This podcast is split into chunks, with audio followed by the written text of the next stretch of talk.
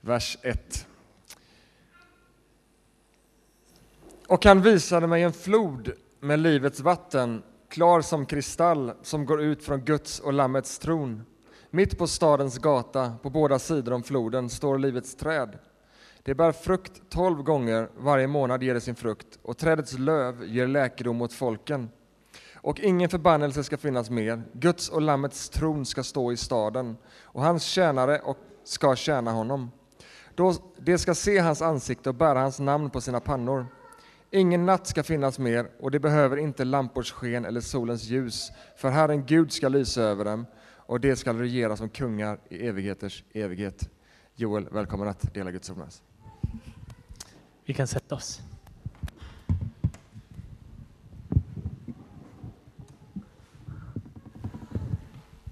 Underbart att se er. Låt oss be.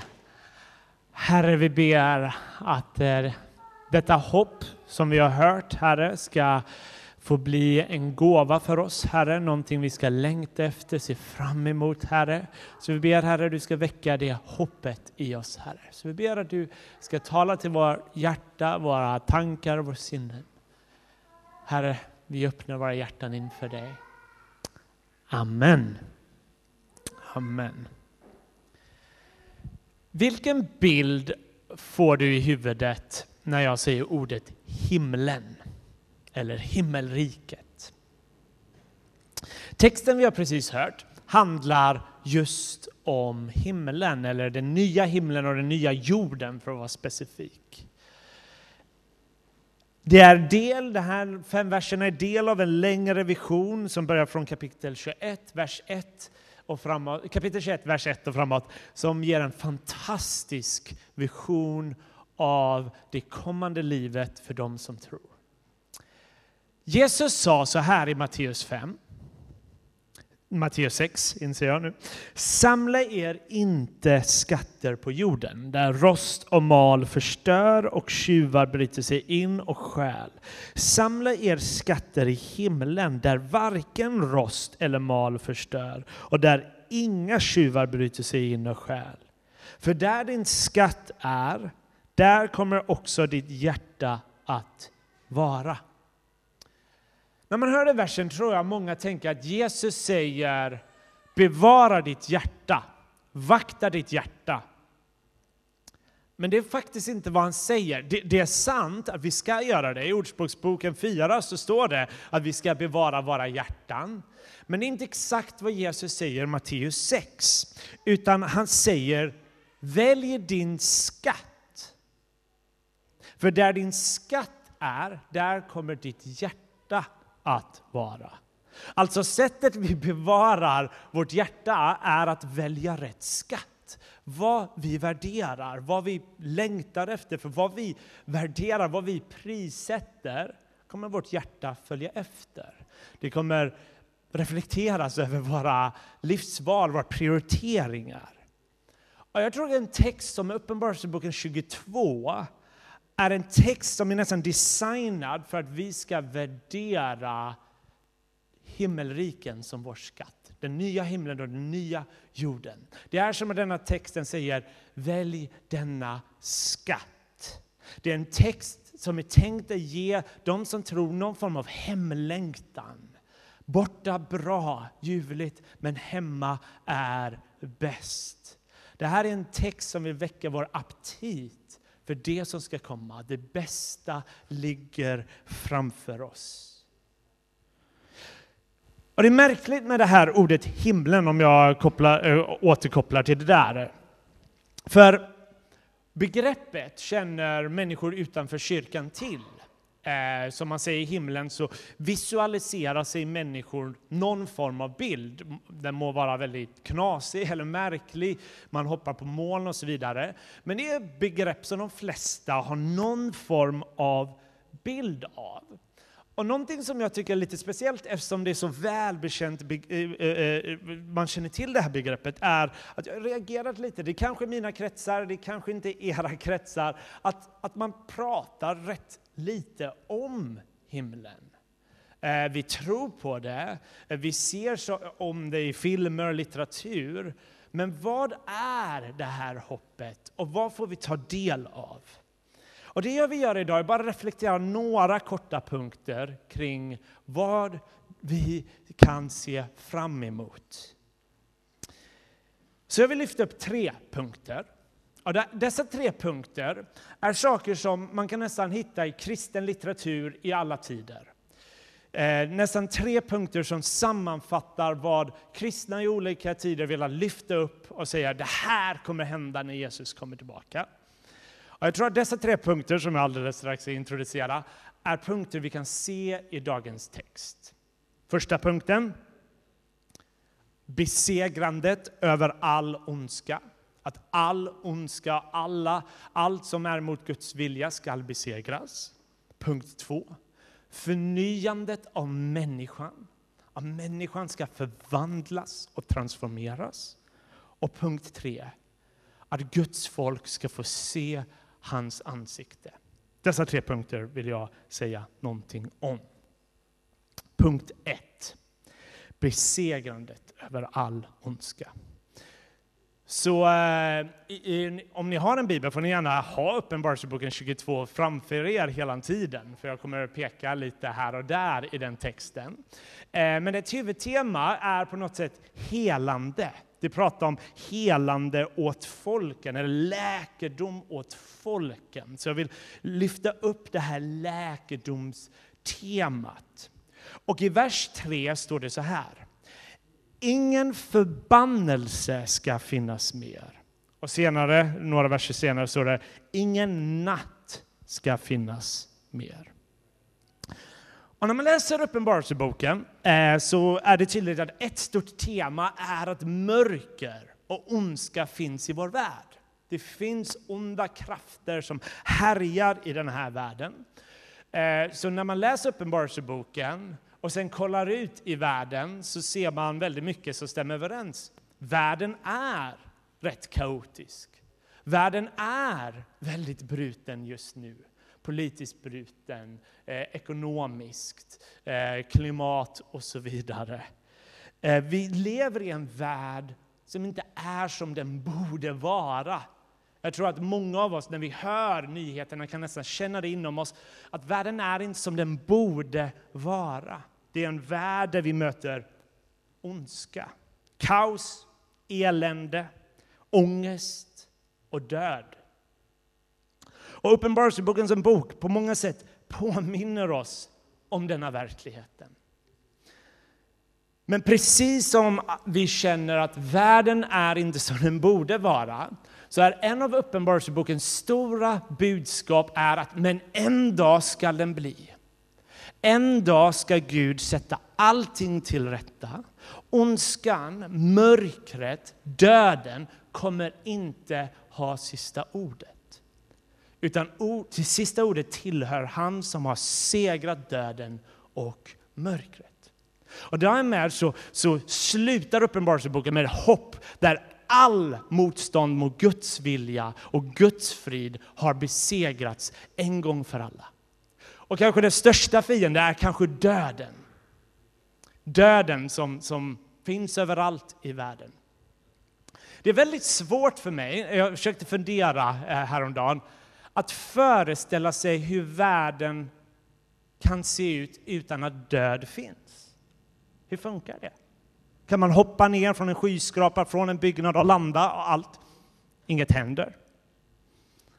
Det är svårt att föreställa sig hur det funkar, en värld utan död.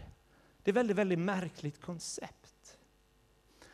Men jag är övertygad, när vi har stått 10 000 år i evigheten och vi försöker blicka bak, så tror jag det kommer att vara lika svårt att minnas en värld med död som det var nu utan. Det kommer att vara så vag, märkligt minne. Känner du igen det här med begravningar? Vad var det nu igen? Det här med cancerdiagnoser. Som är något märkligt vagt minne som är långt, långt, långt ifrån mänsklighetens historia. Då. För Guds plan är att döden ska inte finnas mer. I Uppenbarelseboken 21, kapitlet innan, eh, kapitel 21, vers 4, så står det så vackert så här. Och han, alltså Gud, ska torka alla tårar från deras, alltså våra, ögon. Döden ska inte finnas mer, och ingen sorg, och ingen gråt och ingen plåga, för det som förr var är borta. Inte ens rädslor kommer kunna finnas. Vi kommer inte ens kunna vara rädda, även om vi försöker. Inga sjukdomar, inga smärtor. Allt kommer bli helat. Läkedom åt folken. Det finns det som kallas framgångsteologi. Och eh, framgångsteologi är en viss typ av teologi som säger, det finns två varianter. Ena säger att, att alla som tror, eller tror tillräckligt mycket, kommer få pengar, kommer liksom få framgång eh, rent materiellt. Eller en vanlig variant av framgångsteologi är att man säger att bara om du tror tillräckligt mycket så kommer du bli helad. Du kommer inte kunna vara sjuk. Eh, och vi som vår kyrka tar kraftigt avstånd från framgångsteologi. Vi, vi, tror inte det är förenligt med varken evangeliet eller Bibeln. I Bibeln kan man se trofasta kristna som är sjuka, som Paulus, Timoteus och andra personer. Men en grej som framgångsteologer säger är rätt. Alla som tror kommer att bli helade. Just det vill jag säga är rätt. Felet är när. Felet är att man tar för givet att livet här och nu kan vi garantera att vi ska bli helade. Det är där felet är. Vi, vi, tror på att, att absolut, framtiden kommer alla bli upprättade och helade. Och vi tror att re, redan nu kan det, framtiden börja bryta sig in som försmaker av den kommande världen, där folk blir helade. Och vi ber jättegärna för sjuka sen. Eh, men vi tror att fullkomligt helande för alla som tror är i det kommande riket. Och för mig är det underbart att tänka så när jag ber i alla fall för en som tror. För då kan jag be med, med, med, med någon form av förväntan att jag håller min hand och ber och tänker Gud kommer hela denna personen. Och kanske är det idag. Kanske är det imorgon, kanske är det om ett år, kanske om tio år, kanske är det på andra sidan av evigheten. Men Gud kommer att återupprätta sin skapelse och kommer hela människor. Och när vi ber om människor blir helade, då kan vi jubla, se detta som en försmak att, och minnas att allt detta kommer hända oss alla. När vår broder och syster inte blir helad, då, då påminner vi om att den helige Ande är mäktig i vår svaghet och, eh, och gör att vi klarar oss att leva genom den här perioden och längtar efter dagen, om det är imorgon, eller om tio år eller om hundra år, då Jesus ska återupprätta oss.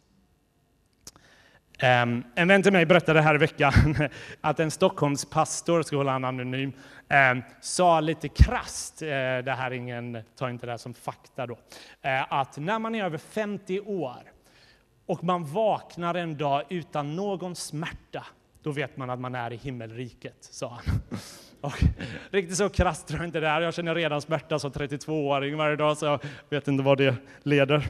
Men, eh, men det finns något ljuvligt att minnas att just det, vi vaknar upp med smärta, men en dag kommer det även försvinna. För döden ska inte finnas mer, och ingen sorg, och ingen gråt och ingen plåga, för det som förr var är borta.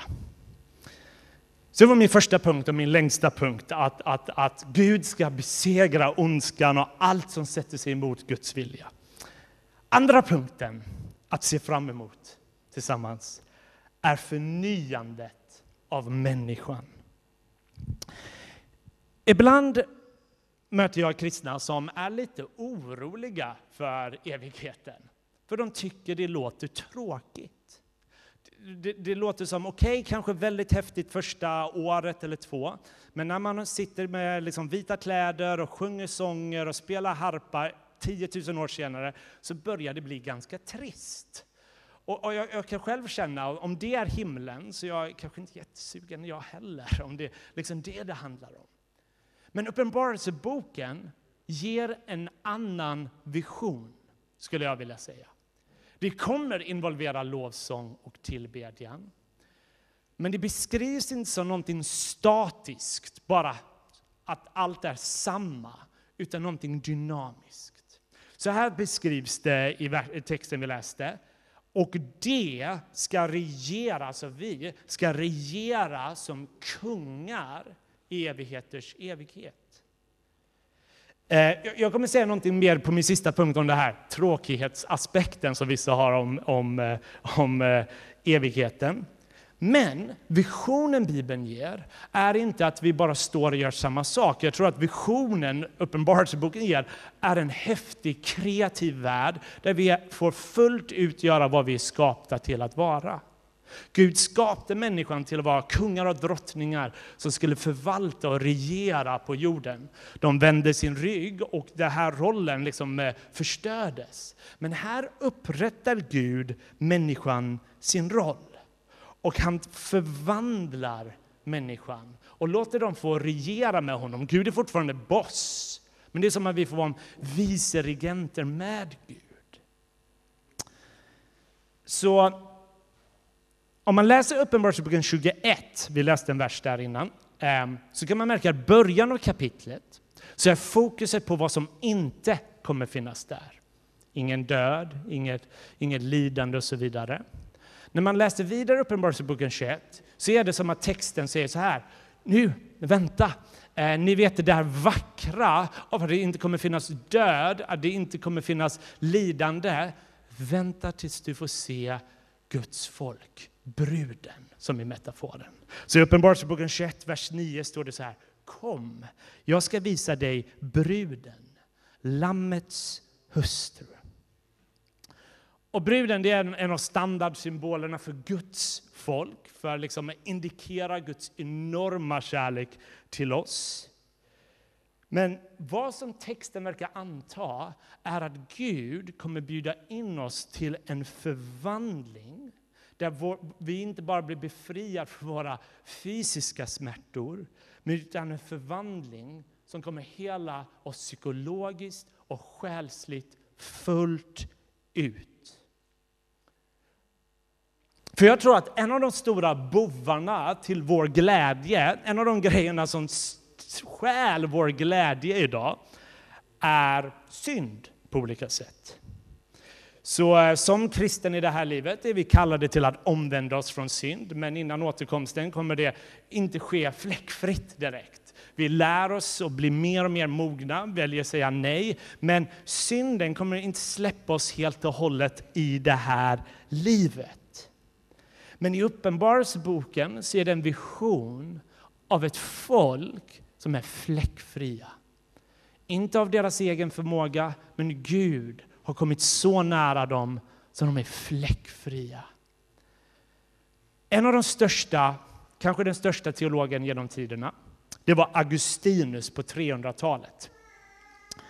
Och han funderade väldigt, väldigt mycket på det här. Hur kommer det bli att förvandlas i framtiden.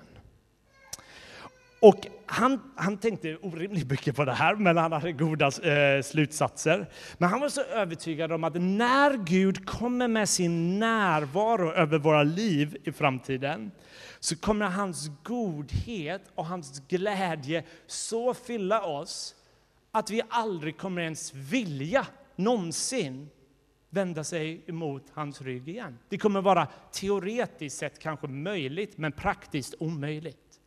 För när Gud visar sig helt vem han är, då kommer han visa sig vara så vacker, så attraktiv, så allt annat mister sin kraft och sin udd.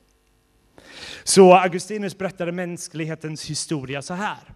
I Edens trädgård var det möjligt för människan att inte synda och det var möjligt för människan att synda.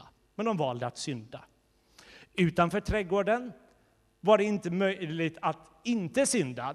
Man kunde inte inte synda. Man, jag hoppas att negationerna blev rätt där.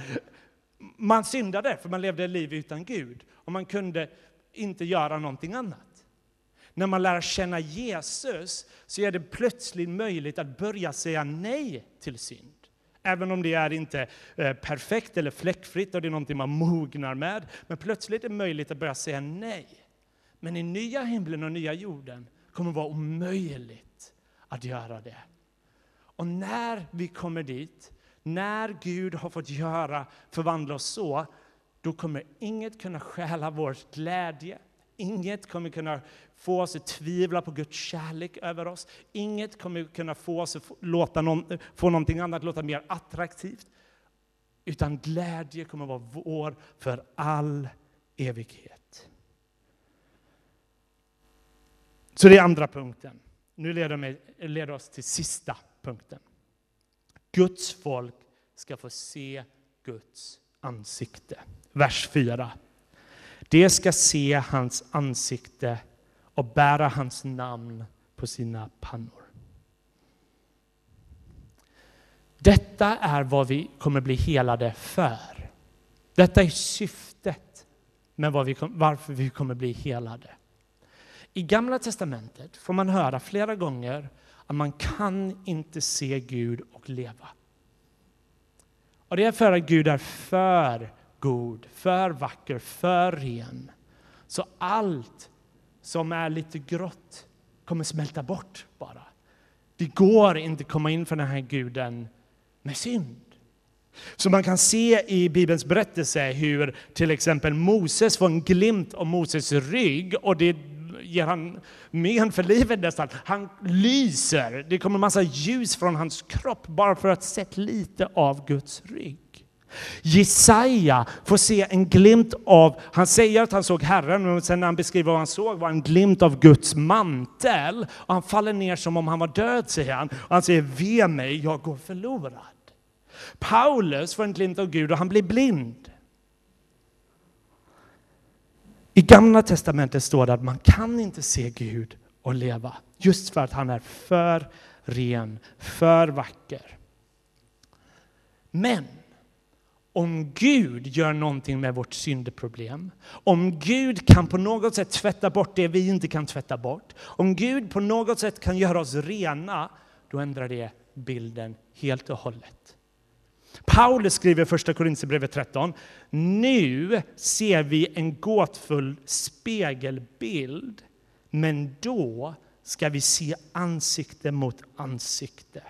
Alltså Paulus som upplevde mer av Guds närvaro än de flesta, mer av Guds kraft, säger att det där fantastiska jag har sett är som en gåtfull spegelbild, liksom dåligt pixlad bild. Men det vi ska få se är någonting helt annat. Vi ska få se Gud. Är inte det underbart? Varje gudstjänst borde vi påminna oss, just det, vi ska få se Gud en dag. Och det är just därför jag tror himlen inte kan bli tråkig. Just, eh, för jag tror att Säg att vi har levt 10 000 år in i evigheten. Det är inte som att vi då har upptäckt allt och nu är allt tråkigt och samma. Det är just att Gud är oändligt större än universum, oändligt större än universum som känns ganska stort, som gör att varje dag kommer vi upptäcka någonting nytt, någonting vackert om Gud som gör att vi kan blicka bak tusen år och tänka vad lite jag förstod då och vad mycket bättre jag förstår honom nu. Himlen är inte en plats där vi kommer bara vara samma, det är en plats där vi kommer ständigt växa. Växa i kunskap om Gud, i glädje i honom. Och därmed så tror jag det är den ondes plan för att få oss att tro att det här är bara någonting tråkigt, statiskt och samma. Nej, det här är goda nyheter. Gud själv skall vara där.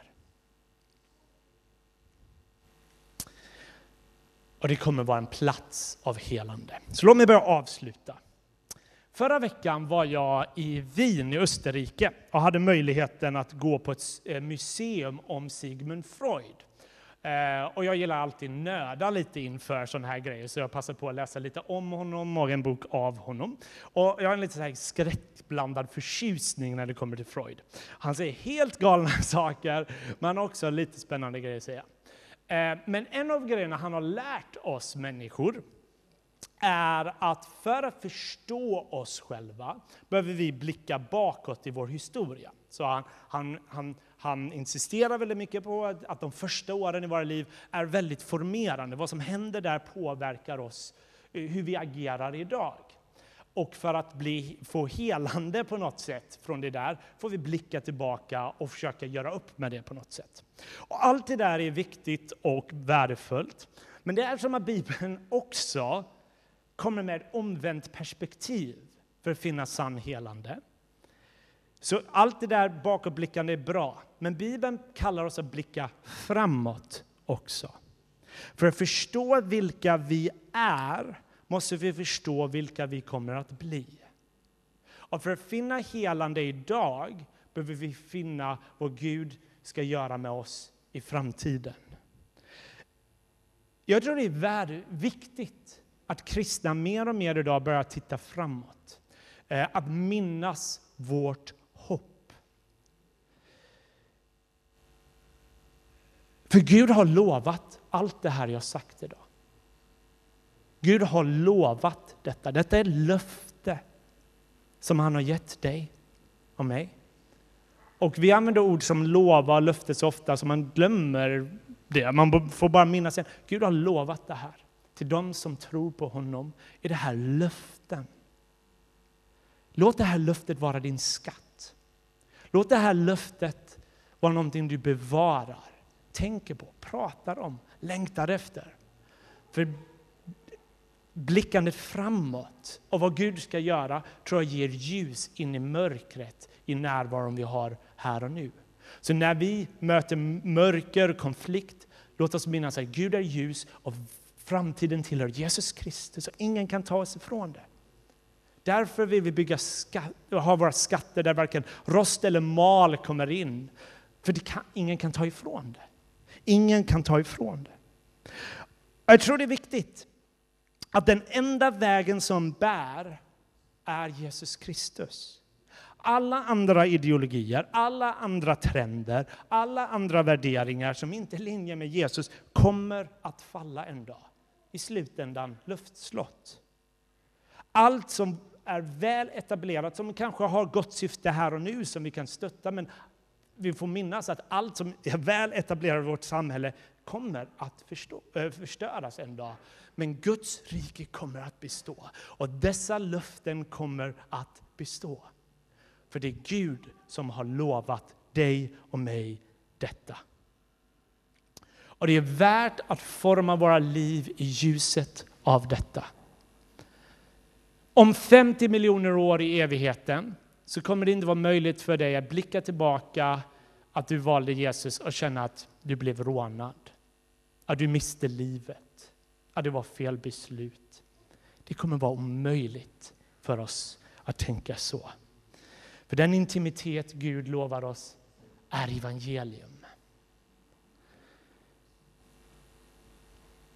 Och han ska torka alla tårar från deras ögon. Döden ska inte finnas mer och ingen sorg och ingen gråt och ingen plåga. För det som förr var är borta. Och han som satt på tronen sa, se, jag gör allting nytt. Låt oss be. Herre, vi tackar dig, du är god, Herre. Och vi ber att du ska göra oss järva att tro på dina löften och bevara dina löften i våra hjärtan, i våra sinnen, Herre. Herre, vi ber om hopp där vi kanske känner hopplöshet, Herre. Vi ber om ljus där vi känner mörker, Herre. Herre, vi ber att du ska tala till våra hjärtan denna stunden. Att vi ska lyssna in vad du säger till oss. Och vi tackar dig, Herre, för att du har gett oss löften som vi inte förtjänar löften vi inte förtjänar, men det är en gåva, en god gåva du ger oss. Och jag, jag vill bara säga i vägran från alla här, vi, jag vill ta emot dem och jag ber att vi alla ska göra det. Amen. Ska vi ställa oss upp en stund och så eh, ska vi ha en stund av i Herrens närhet och